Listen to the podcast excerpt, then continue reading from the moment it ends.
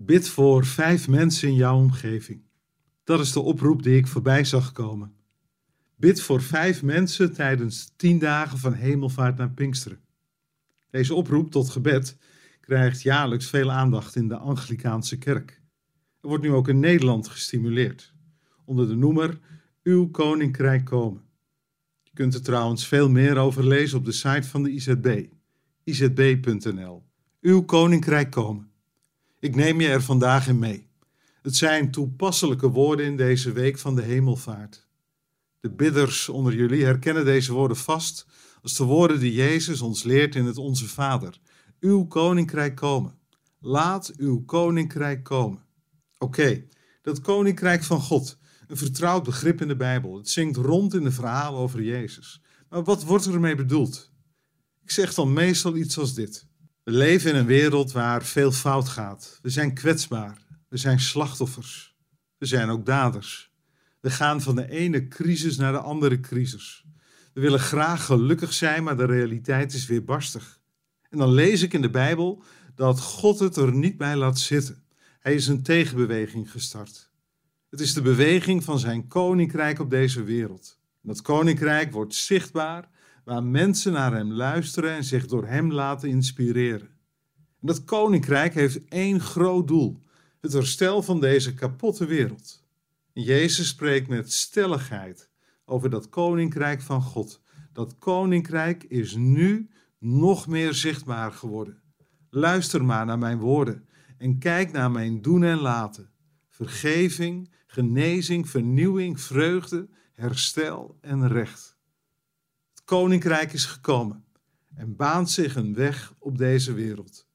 Maar daarmee is het verhaal nog niet compleet.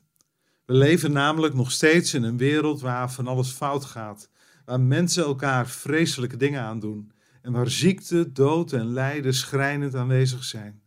We blijven verlangen naar de definitieve doorbraak van Gods koninkrijk.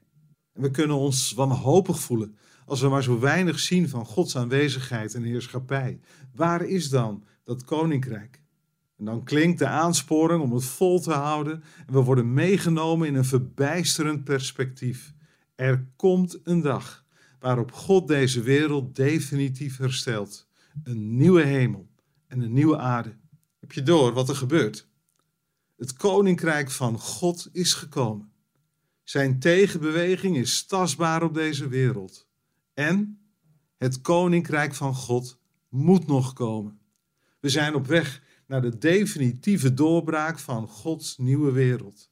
Dat is het spanningsveld van Gods koninkrijk. Het is gekomen. Het zal nog komen. Nu kom ik best wel christenen tegen die dit spanningsveld oplossen door een van de twee uitersten te kiezen. Je richt je bijvoorbeeld alleen op de toekomst. Dan gebeurt het. En nu moet je er niet te veel van verwachten, dat koninkrijk. Of juist andersom, je richt je helemaal op het heden. God wil je nu al compleet gelukkig en gezond maken. Je hoeft niet meer te dealen met ongeluk en ziekte. Ik sputter bij deze twee oplossingen.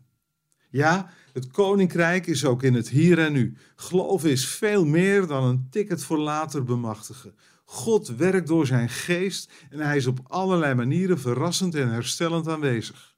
En ja, het koninkrijk is ook voor later.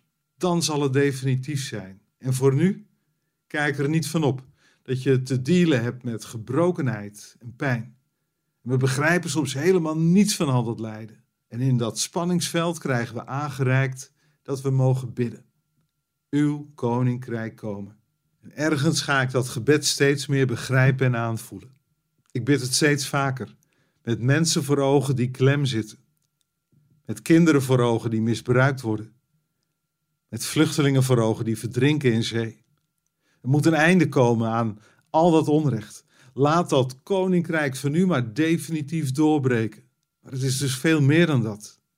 Ik bid met deze woorden ook om Gods verrassende aanwezigheid, hier en nu, te midden van alle gebrokenheid. Ik verlang hier en nu naar tekenen van herstel, genezing en recht. En dat ook in het verlangen. Dat mensen om me heen de liefde van Jezus leren kennen. Ik bid tien dagen voor vijf mensen. Ik bid tien dagen heel bewust. Uw koninkrijk komen.